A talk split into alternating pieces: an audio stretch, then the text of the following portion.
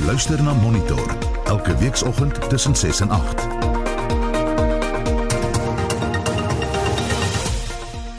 In die tweede helfte van Monitor ons praat met twee mediese kenners oor die vraag watter doel dien die inperking op dag 60 en is daar nie ander opsies om COVID-19 te bestuur nie. En 'n intense koue front tref die land vandag en gaan Gauteng teen môre bereik. So ons het 'n uh, waarskuwing vir stormsterk noordwestelike tot westelike winde van 65 tot 80 km/h wat verwag word langs die kus Ek is Gustaf Vreiding, welkom by Monitor. En my naam is Anita Visser.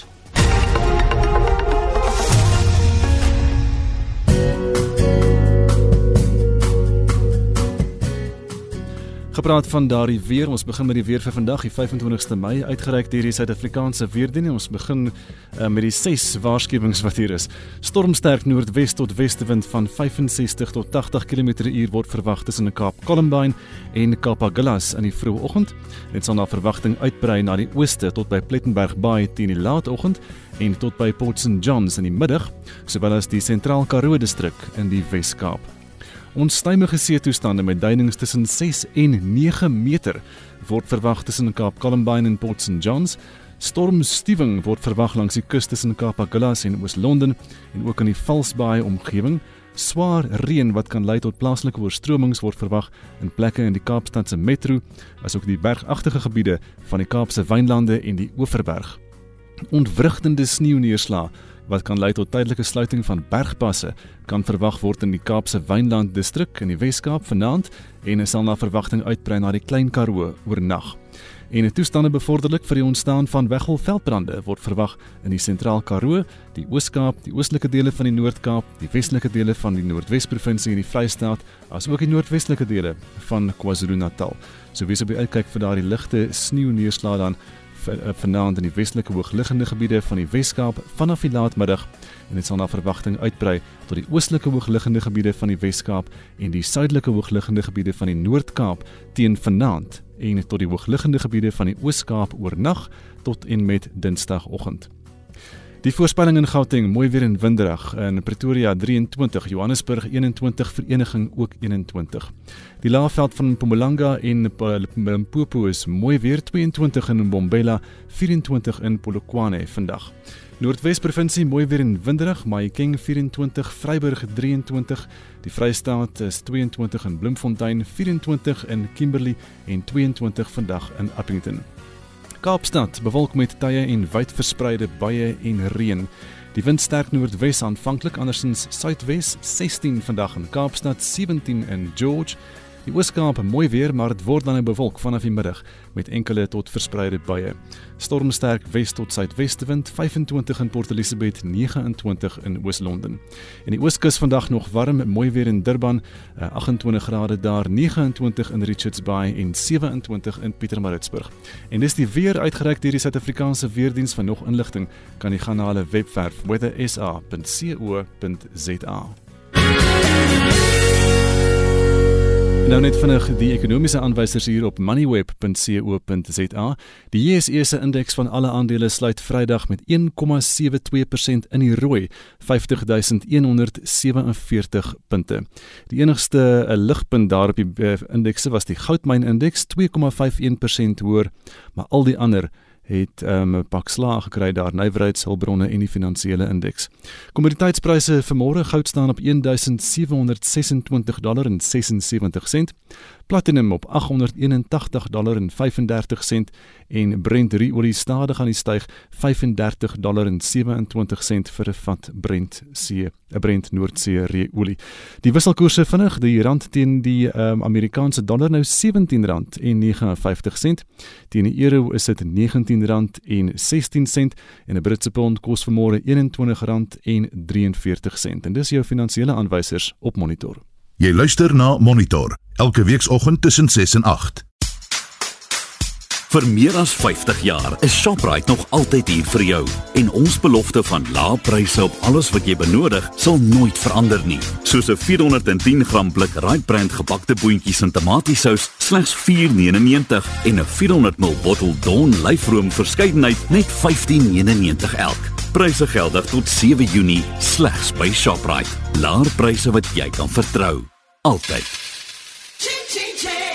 Transnet Pipeline besit en bedryf ons land se ondergrondse netwerk van 3800 km hoë druk petroleum en gaspyplyne. Diewe beskadig die pyplyne en die gepaardgaande infrastruktuur om die produk te steel. Skuldiges moes al hulle lewens inboet, het brandvoorvalle en omvattende skade aan die omgewing veroorsaak en die lewens van mense wat naby woon in gevaar gestel. Transnet in samewerking met gespesialiseerde wetstoepassingsagentskappe maak seker dat elkeen wat by hierdie voorvalle betrokke is met die volle krag van die wet te doen kry. Ons het reeds verskeie inhegtenisnemings gedoen en op voertuie beslag gelê. Aangesien dit 'n ernstige misdaad is, kan oortreders tronkstraf van minstens 15 jaar opgelê word. As jy enigiets weet oor die kriminele bedrywighede of mense of voertuie soos petroltankers naby die pyplynmerkers en sperkleppe opmerk, bel asseblief 0800 203 843. Help ons om alle gemeenskappe langs die pyplyn te beskerm en 'n diens te beveilig wat onontbeerlik vir ons land se ekonomie is.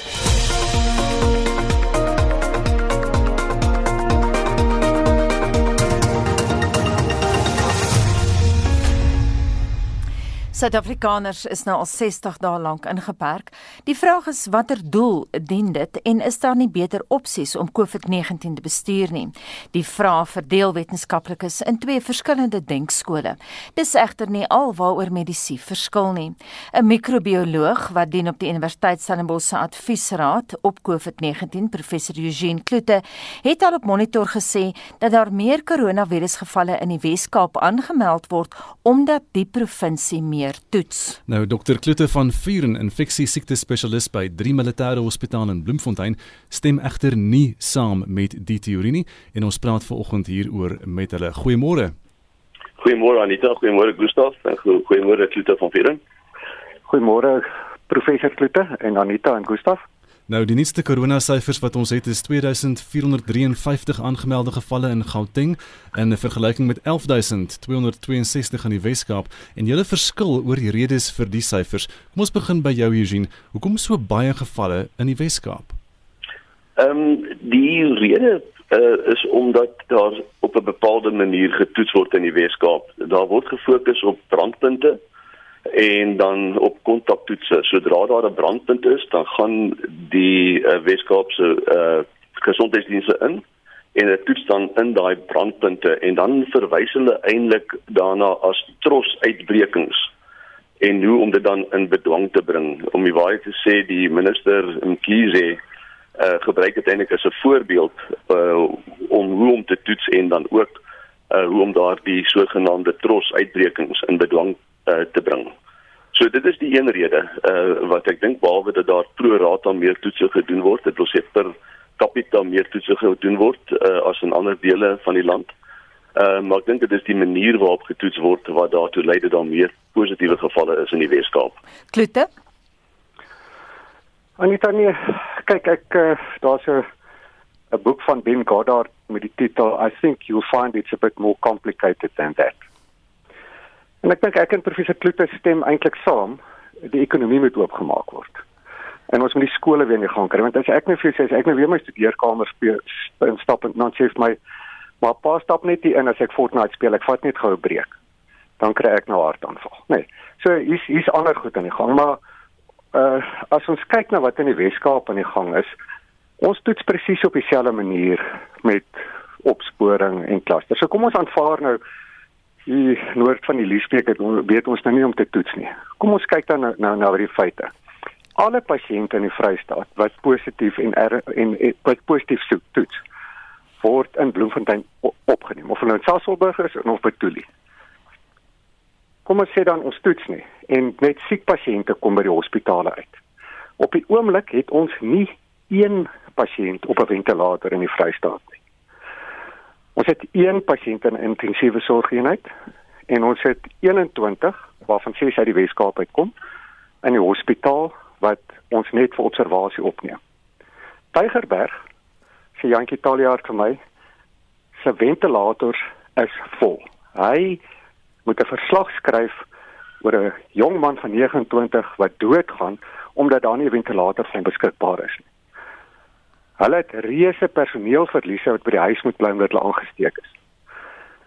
Uh by Universiteit van Kaapstad, by Grote Skuur Hospitaal, dis sou julle dalk gesien het op News 24, hulle suurstofbank wat suurstof aan al hulle ventilators en al die suurstofpunte vir hulle COVID-19 pasiënte moet lewer. Die suurstoftank is groot genoeg. Maar die pyp kan nie genoeg vloei voorsien na die suurstofpunte om al hulle ventilators te trek nie. Ek meen dis mos nou duidelik iets anders daaraan die gang. Dit het dit het niks met toets te doen en ek dink die probleem hierso is die bureaukrasie hanteer elke nuwe geval wat ons toets. Uh asof ons nou stout kind is wat iets verkeerd gedoen het.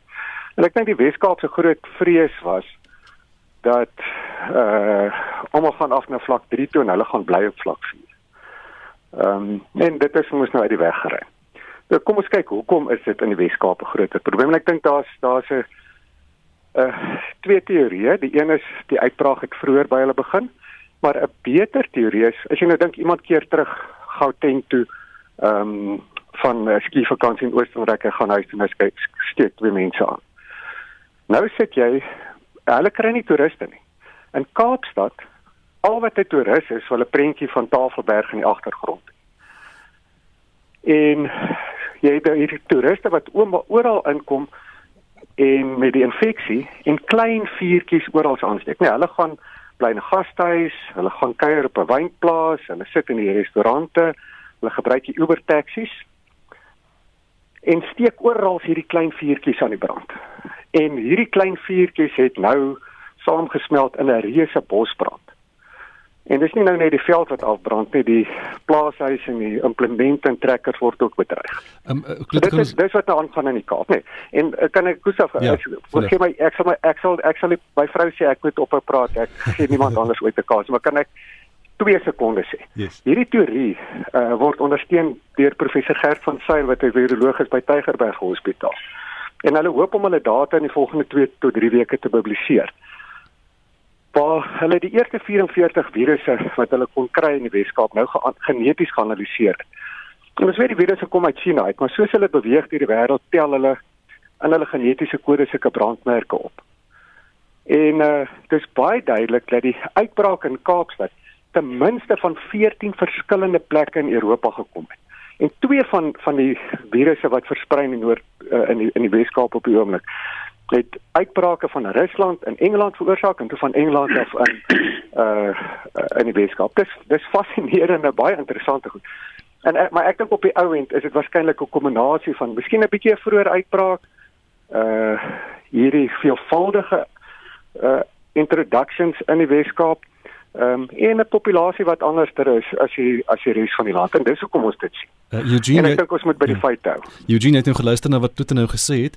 Ehm um, wil jy reageer daarop en uh, in terme van van wat hy gesê het dat dit baie meer kompleks is as net die toetse? Ja, nee, ek dis ek stem 100% met hom saam. Uh, ons moet baie versigtig wees uh om dinge te vereenvoudig. Daar is baie faktore wat hier 'n rol speel. Hy het van uh, dit aangeraak. Ek stem saam met wat hy daar sê. Ehm um, en uh, ons moet kyk na hoe mense beweeg, sosio-ekonomiese toestande, sosiale afstand wat gehou kan word al dan nie. Ehm um, en so aan. Die een interessante uh, opmerking wat ek wil maak en ek sal graag sy sy sy opinie daaroor wil hoor. Ehm um, hy noem nou uh, van die situasie in die Vrystaat. Uh, net interessant dat uh, hierdie brandpunte lyk vir my in metropole te wees landwyd en die uh, president gisterand ook so daarna verwys uh die nuwe brandpunte is almal metropole eintlik en Bloemfontein natuurlik is een van daai metropole. Maar teen die 18de Mei die data wat ek tot my beskikking het tot 18 18de Mei uh wys dat 3,7% van die persone wat positief toets in die Vrystaat sterf uh aan die uh infeksie. Terwyl in die Wes-Kaap is dit 1.6%. Dit is sedertdien ek die nuutste inligting vir die Wes-Kaap is dit 2%, maar dit is heelwat laer byvoorbeeld ook as in KwaZulu-Natal waar die aantal sterftes 2,9% is van die wat positief toets uh, in Limpopo 3.4%.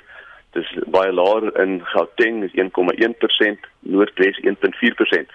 So daar's baie faktore. Die prentjie lyk nie dieselfde vir elkeen van die uh, provinsies of streke in Suid-Afrika nie. Ons sal moet studies doen om uit te vind presies hoe hierdie pandemie uitspeel uitgespeel het dan in die tyd wat ons onder uh, inperking was en uh, ons is reeds besig met sulke studies aan Stellenbosch Universiteit Uh, op hierdie stadium het ons eenvoudig net nie genoeg data om presies te verstaan waarom hierdie syfers van een provinsie of een stad eindelik tot 'n ander stad in Suid-Afrika verskil nie. Maar dit is baie meer kompleks uh as uh, om net te sê dit is meer toetse uh wat gedoen word uit die afsaak as jy meer toets gaan jy meer positiewe gevalle optel. Ons sien dit uh in, in nasionaal die belangrike ding natuurlik is om te weet hoeveel van die toetse wat gedoen word toets positief. Ehm um, en daar uh, het ons ook die statistiek dis ongeveer 3,6% kumulatief. Dit wil sê oor die hele tydperk uh, as ons kyk oor die afgelope 24 uur is 6% van die mense wat getoets het het positief getoets. So dis 'n komplekse situasie en dit baie baie baie moeilik uh, om te voorspel uh, hoe dit gaan uitspeel. Klute van Vieren is daar enige iets wat uh, Eugene Klute nou gesê het waarmee jy wel saamstem? Hy het gesê hy sal graag wil hoor wat jy te sê het. Anita, ehm um, kyk, die dilemma is hierso is is die Weskaap het hoeveel sterftes.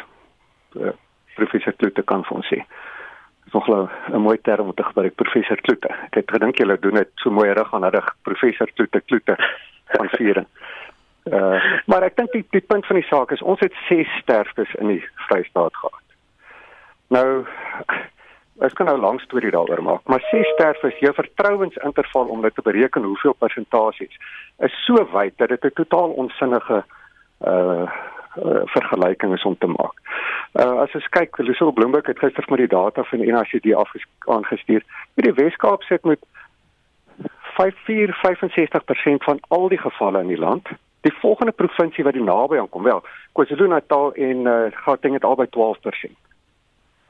Uh en dan verdwyn die ander provinsies in die Mpumalanga, miskien die Oos-Kaap.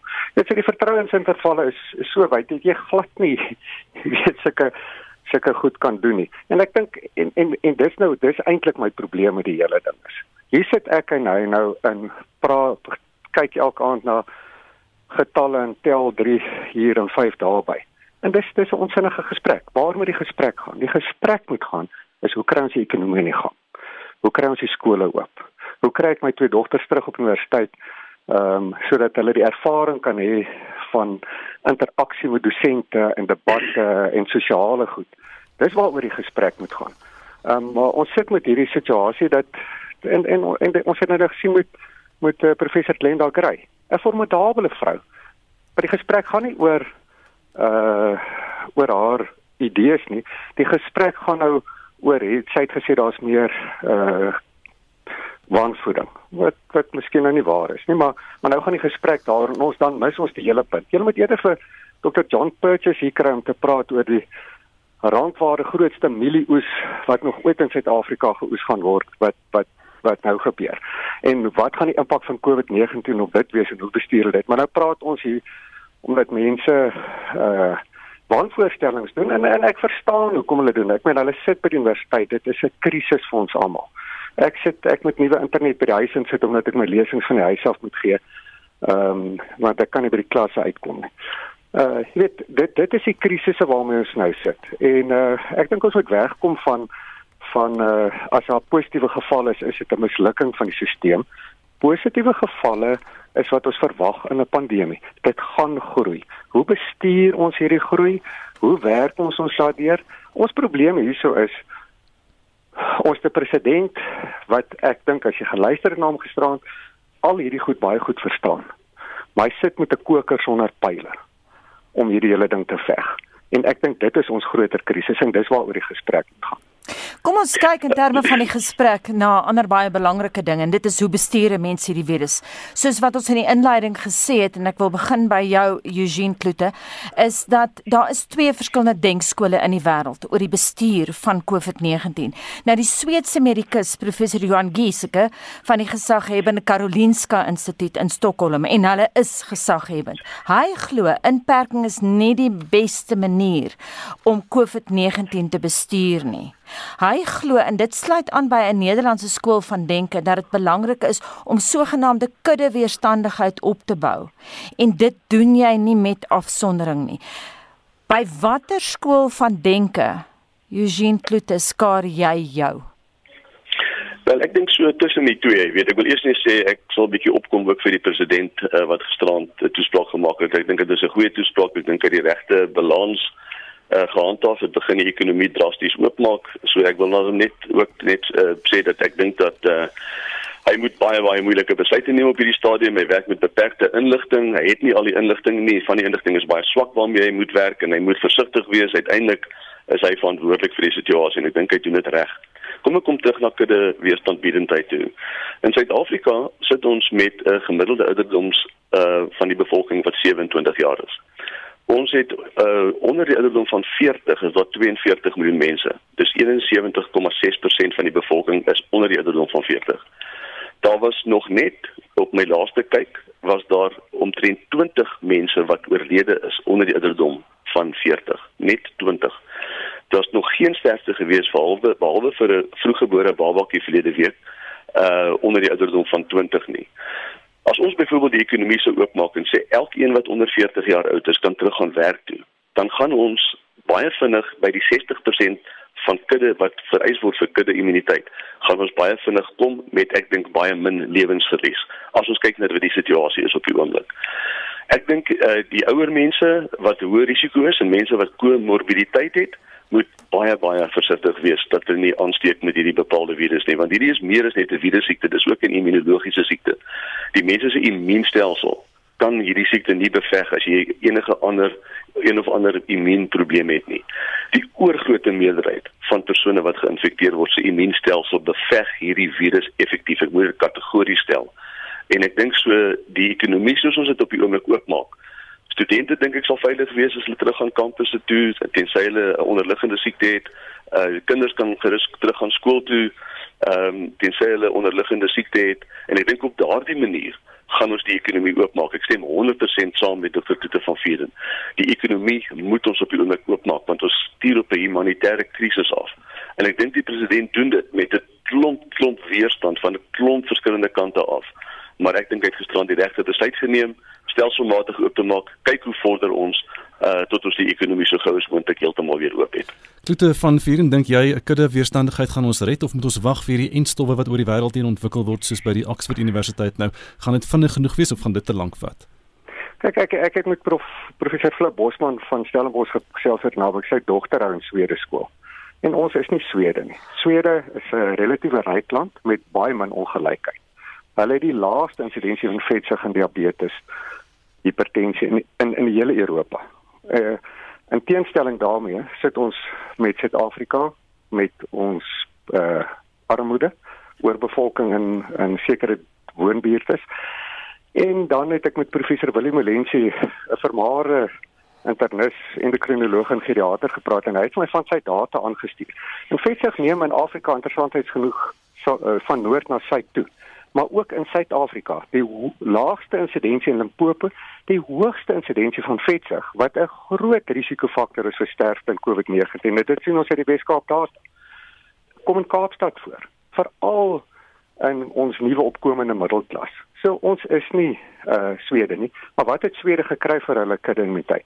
Hulle toets dit nou. Dit is 7.9% van mense is immuun op die oomblik in Swede wat presies dieselfde is as die ander skandinawiese lande wat die uh, inperkingsmaatreëls afgekondig het.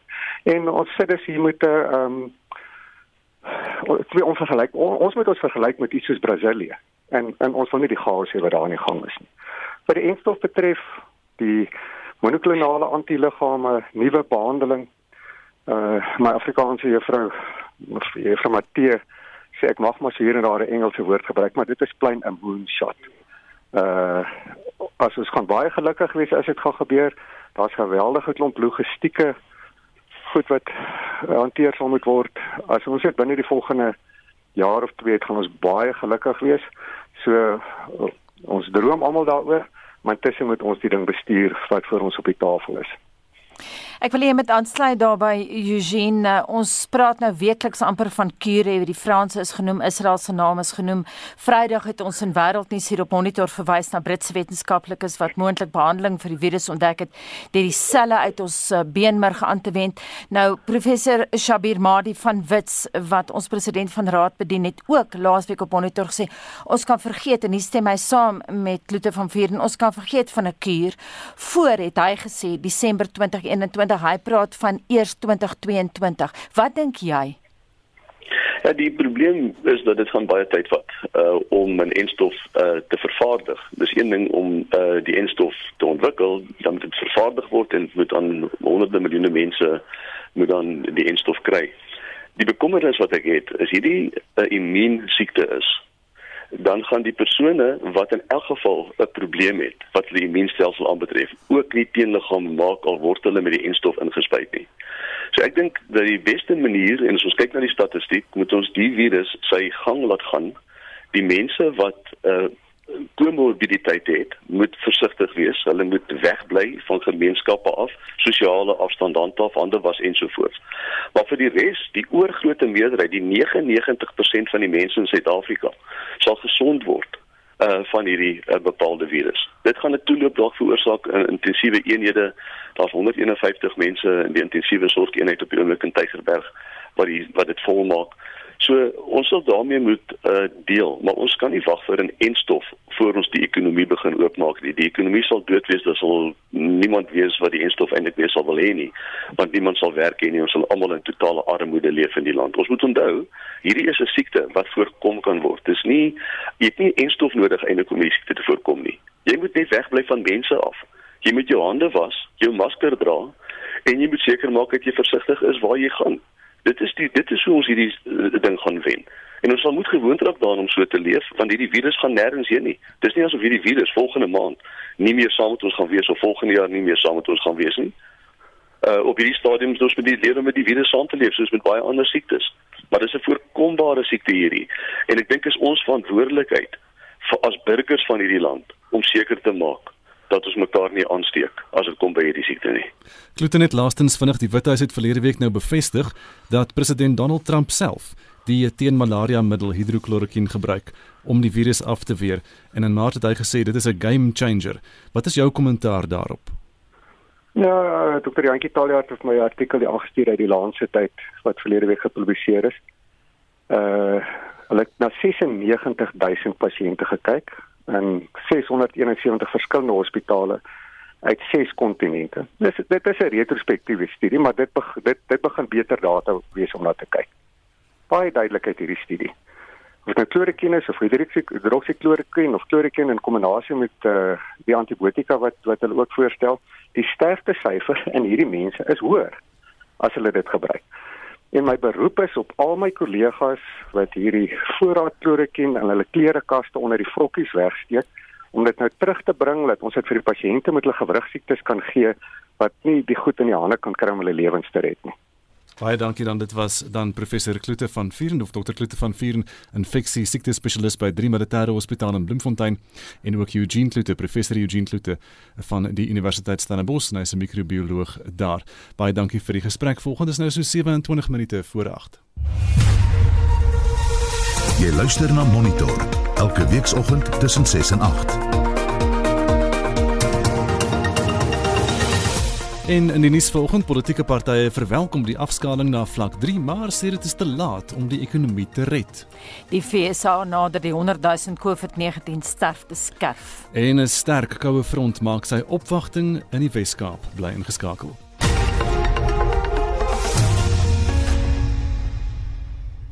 Vincent, hoe lyk daai SMS terugvoer? Ons praat 'n bietjie oor haarstyle wat op hier verander het vir die afgelope 2 maande. Wat sê mense, wie sny hulle hare? Anita Yuri Brand sê my vrou het my al 'n paar keer gevra om haar hare te sny. Ek is redelik handig, maar is eenvoudig te bang ek neek op. Ek weier maar eerder om vrede en harmonie te bewaar en vir my eie veiligheid doen ek my doen ek maar my graad 7 seuns in. En dan sê sy net um, sy net ons kinders was deur jare gestraf, detensie gesit en die reëls op hul afgeding oor kort netjies hare.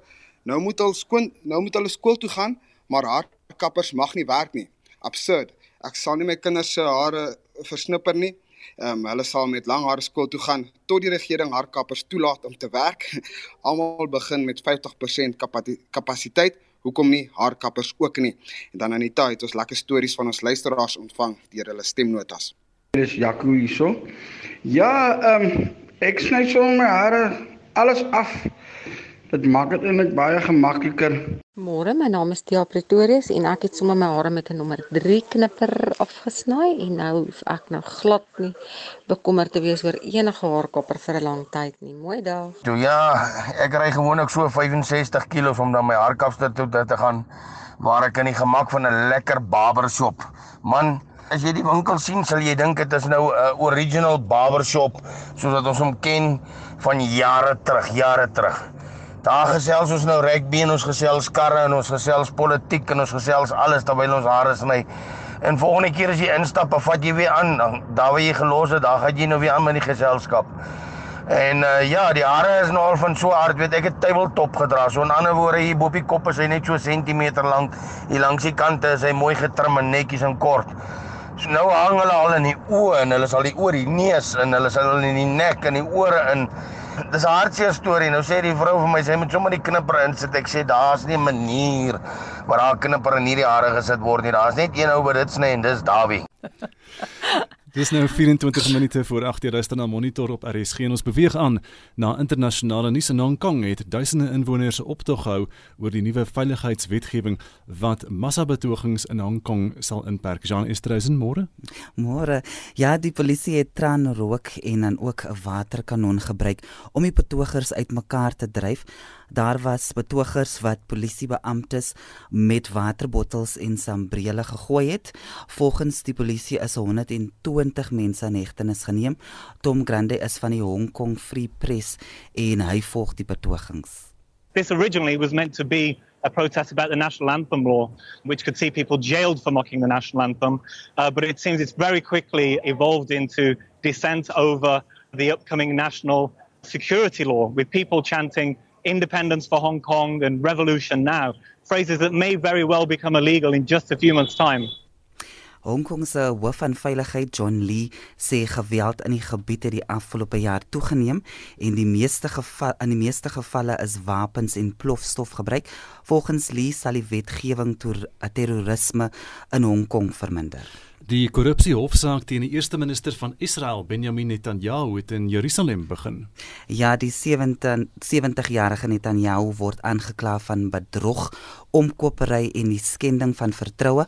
Hy het onder meer glo geskenke soos champagne van 'n ryk sakelei ontvang in ruil vir gunste en regulasiebesluite geneem wat die telekommunikasiemaatskappy Shell Elovich bevoordeel het.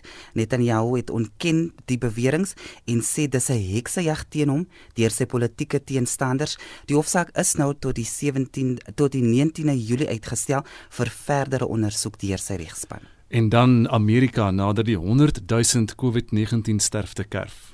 Ja, die Johns Hopkins Universiteit sê daar is minstens 98000 COVID-19 sterftes in Amerika. Die dodetal het die afgelope 24 uur met so 638 gestyg.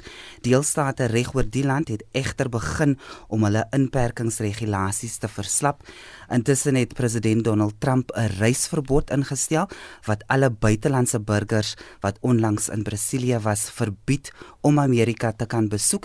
In Brasilië is daar sowat 360 000 COVID-19 gevalle terwyl 22 000 mense dood is aan die virus. Nou hierdie persoon se pa is in intensiewe sorg.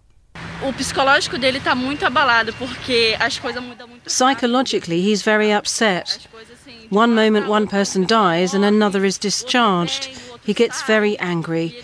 He's very afraid of dying because a lot of people are dying. In Australië het kinders weer begin terugkeer skool toe. Dis nou in die staat New South Wales, maar onderwysamptenare sê hulle sal nie 'n sosiale afstand van 1,5 meter in die klaskamer kan aanhaf nie. Volgens die nuwe regulasies kan leerders nie hul middagetes met mekaar uitruil nie. Geen byeenkomste en uitstappies sal plaasvind nie en geen naskoolse aktiwiteite soos swem sal aangebied word nie. Intussen gaan Nieu-Seeland vanaf Vrydag byeenkomste van 100 mense toelaat. Die beperking op die getal mense wat begrafnisse bywoon sal ook nie meer geld nie. Sosiale distansiering sal egter toegepas moet word en laastens in Spanje het die regering begin om inperkingsregulasies te verslap in Madrid en Barcelona. Byeenkomste van 10 mense sal toegelaat word. Parke en museums sal hier open en die dra van gesigsmaskers sal verpligtend wees. Meer as 28700 mense is aan COVID-19 net in Spanje dood. Jean Estreisen met vanoggend se wêreldnuus. 'n Groot verskeidenheid van wetenskaplike menings is uiters belangrik in 'n vry en demokratiese samelewing. Dit was die strekking van 'n mediavrystelling die naweek wat laer getrek het om professor Glenda Gray, hoof van die Mediese Navorsingsraad, om wie se kop 'n storm losgebars het. Vir die wat die nuus gemis het, dit volg op die waarnemende DG van gesondheid, Anban Pillay, se aanbeveling dat sy en haar posisie ondersoek moet word na kritiek deur Gray op die regering se inperkingstydperk wat sy as onwetenskaplik beskryf het.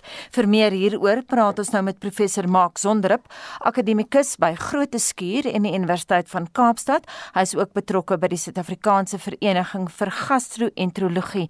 Goeiemôre Mark.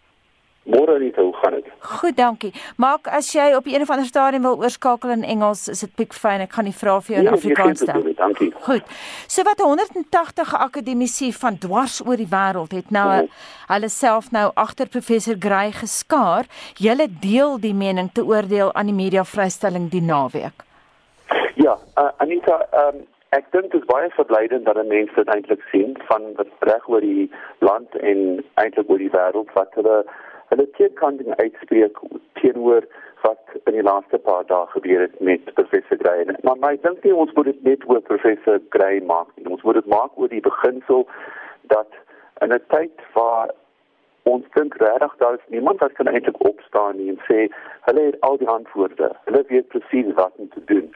Ek dink reg oor die wêreld en ons sien dit ook in ons eie land dat ons ons doen dinge wat baie keer ehm um, konsekwente het wat ons nie eintlik kon voorspel nie.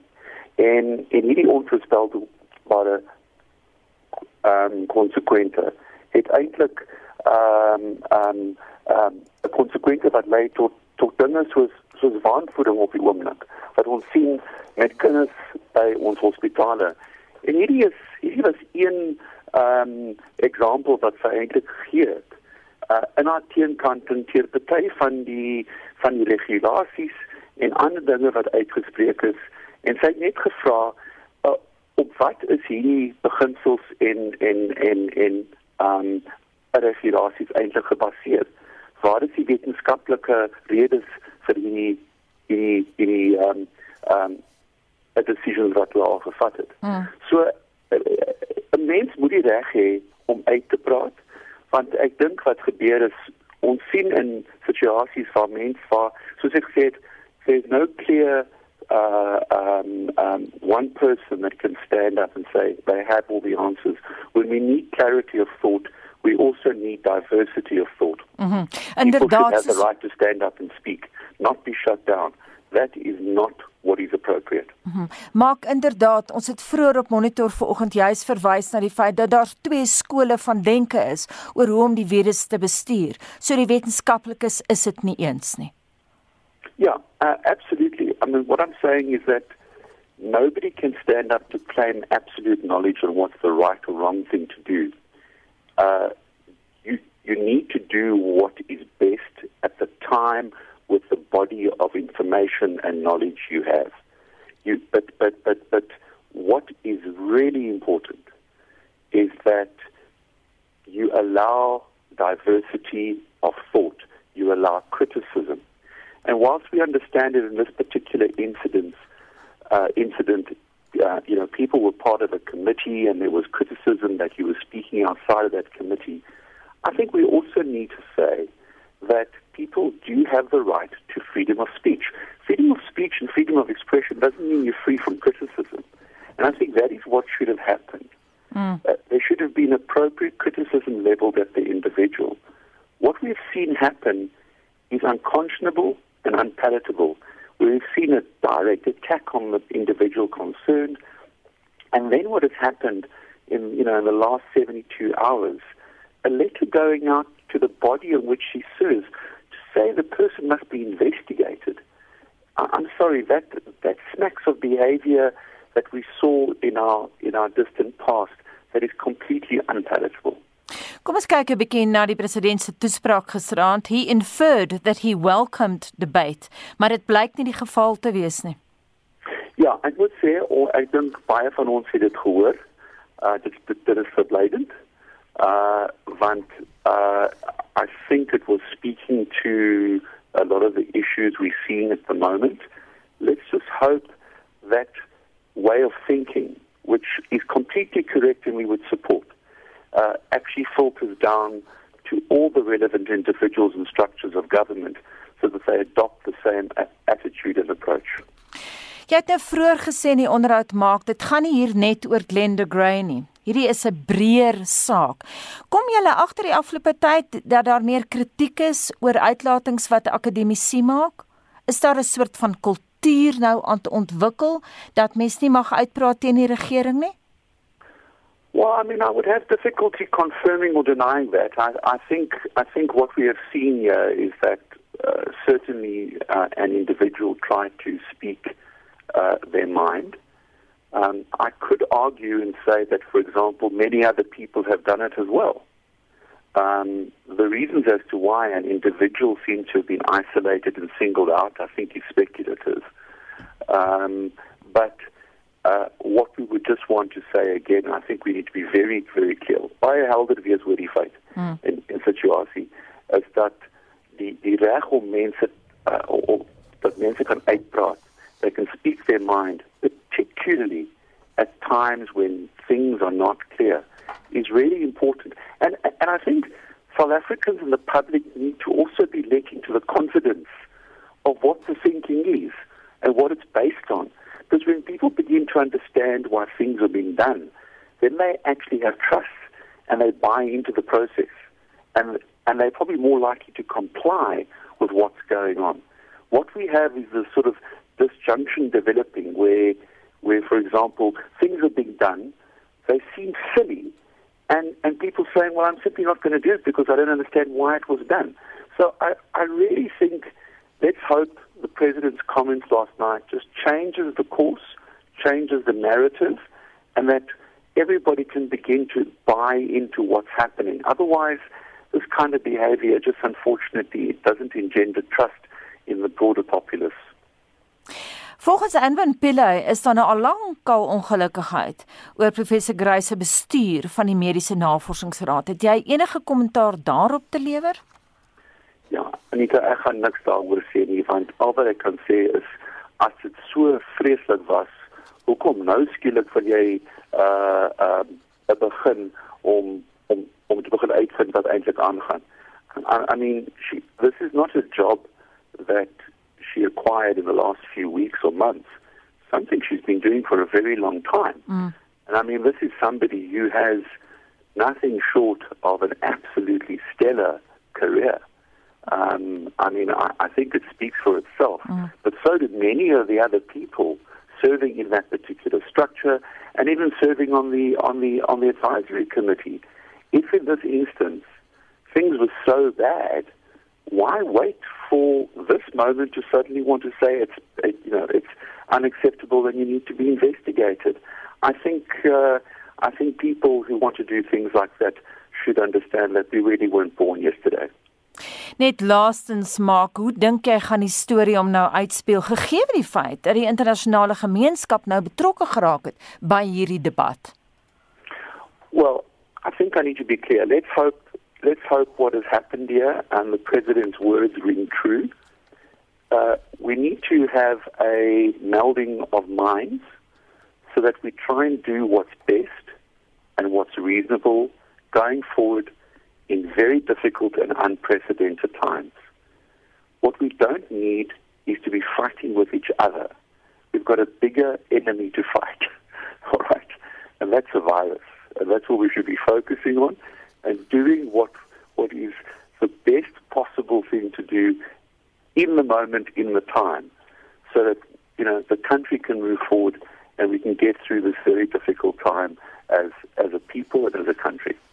Baie dankie en daai raad kom van professor Mark Sondrup, akademikus by Groote Skuur en die Universiteit van Kaapstad. Hy is ook betrokke by die Suid-Afrikaanse Vereniging vir Gastro-enterologie. Dis nou 10 minute voor 8:00 is ingeskakel by Monitor op RSG en ons kyk vinnig na enkele verkeersnuus in Johannesburg, Mainreef. Daar is 'n ongeluk gewees, 'n taxi met 'n polisievoertuig in die omgewing van Highgate. Ook in Kaapstad, die N2 uitwaarts na Botchet's Quarryweg. Al die bane is egter oop, maar daar's vertragings in daardie omgewing. In Pretoria op die Moloto pad suid is daar 'n obstruksie op die pad net voor Sefako Makgato ry dan, so wees versigtig as jy in daardie omgewing is en ook 'n kettingbotsing in Kaapstad, die R300 suidwaarts na Ou Parelweg. Die regterbaan is versper in daardie omgewing.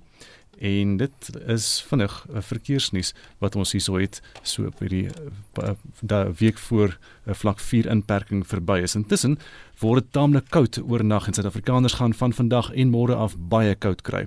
Volgens 'n voorspeller by die Suid-Afrikaanse weerdiens Wayne Venter slaan 'n sterk koue front vanuit die suide toe.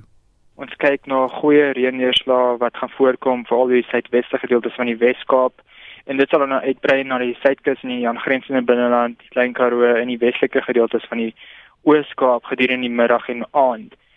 Met hierdie front het ons 'n hele paar waarskuwings. Ons het 'n uh, waarskuwing vir stormsterk noordwestelike tot westelike winde van 65 tot 80 km/h wat verwag word langs die kus tussen Kaap Columbine en Kaap Agulhas. Dit word nou vanoggend verwag en dan versprei nou ooswaarts tot en met Pietermaritzburg Bay En dan teen die middagse kant verwag ons dat hierdie wind sal uitbrei na Port St Johns in die Ooskaap en dan ook die sentrale Karoo van die Weskaap. So baie sterk stormsterk winde word verwag val in daai gebiede. En dan in baie dieselfde gebied verwag ons hoë see duinings van 6 tot 9 meter. Dis nou tussen Kaap Columbine en al langs die kus tot en met Port St Johns. So dis die hele suid en suidweskus van die Weskaap en langs die kus van die Ooskaap ons verwag ook dan nou goeie reënneerslae oor die suidwestelike gedeelte van die Wes-Kaap en dan word dit dan nou verwag om bietjie uit te brei na die oostelike gedeelte van die Wes-Kaap, die suidelike gedeelte van die Noord-Kaap en dan ook die suidelike gedeelte van die Oos-Kaap in die aand en oornag. Wat gebeur môre? So die môre behoort alles dan nou heeltemal op te klaar.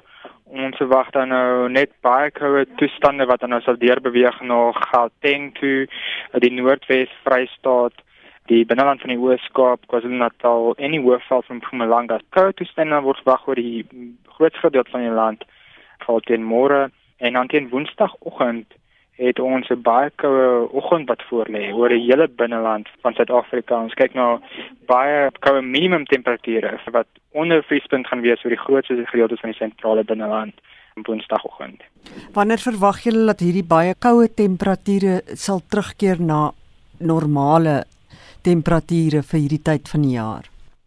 Ons verwag net nog so 'n bietjie koud gaan bly tot met omtrent so donderdag en dan sal dit begin opklaar vanuit die weste met bietjie meer normale nog steeds koeler temperature maar meer normale temperature van temperature tot die hoë 10e en laat 20s oor die grootste gedeelte van die land. So temperature sal definitief weer nou normaal terugkeer um, so teen donderdag Vrydag se kant. En dan verwag ons weer so 'n front wat deurkom hier rondom die naweek oor die suidwes gedeelte van die Weskaap en langs die suidkus van die Weskaap. Maar op hierdie oomblik geen waarskuwings vir daai front uit. Wayne Venter, voorspeller van die Suid-Afrikaanse Weerdiens, het met Mitsi van der Merwe gepraat. Vandag is die 60ste dag van die Grendel tydperk. Haarkappers en skoonheidsterapeute sê hulle besighede gaan ten gronde en boonop mag hulle nie volgende week op vlak 3 oopmaak nie. Advokaat Carlo Viljoen van Victor Online Legal Consultancy beplan om vandag aansoek te doen vir 'n dringende aansoek by die Hooggeregshof sodat die bedryf wel sake mag doen. En so gepraat van hare. Die liedjie Hair van die 1968 Broadway musiekblyspel met dieselfde titel het destyds groot opslag gemaak en in 1969 is 'n rolprent met dieselfde naam bekend gestel. Hier is Hair. I'm hairy high and low. Don't ask me why. Don't know. It's not for lack of brain, like the Grateful Dead, darling.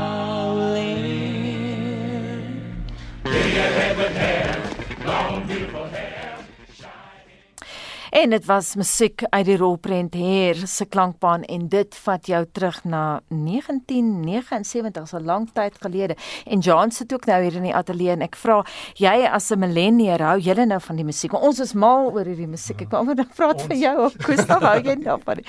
Maar maar John ja, wat is baie lekker liedjie. Ek ja, het die fliek gekyk. Toe dit 'n paar jaar gelede uitgereik is. Ja. ja. Want ek dink daai die oorspronklike fliek was 82 of 81 en ek het nou nie die nuwe weergawe gesien nie, maar die oorspronklike een was wonderlik. Dit regtig iets vertel van die Zeitgeist, jy weet, hoe dit daai jare was. Ek ek het nie daai fliek gesien, ek was te klein. Ooh, ouch. maar Vincent het ons die terugvoer. ja, Gustav, is dit lekker um, stemnotas van ons luisteraars ontvang. Petra van Pretoria. Nee wat, ek dink ek kry die haarkappers jammer as ons vrouens hulle besighede mag nie oopmaak nie. Ek dink nie dis reg nie. Ons ploeter maar aan, ons maak planne met ons hare. Wat vir my besonder is, wat eh uh, Paflude van Bloemfontein sê, ek stem volkome saam met hom.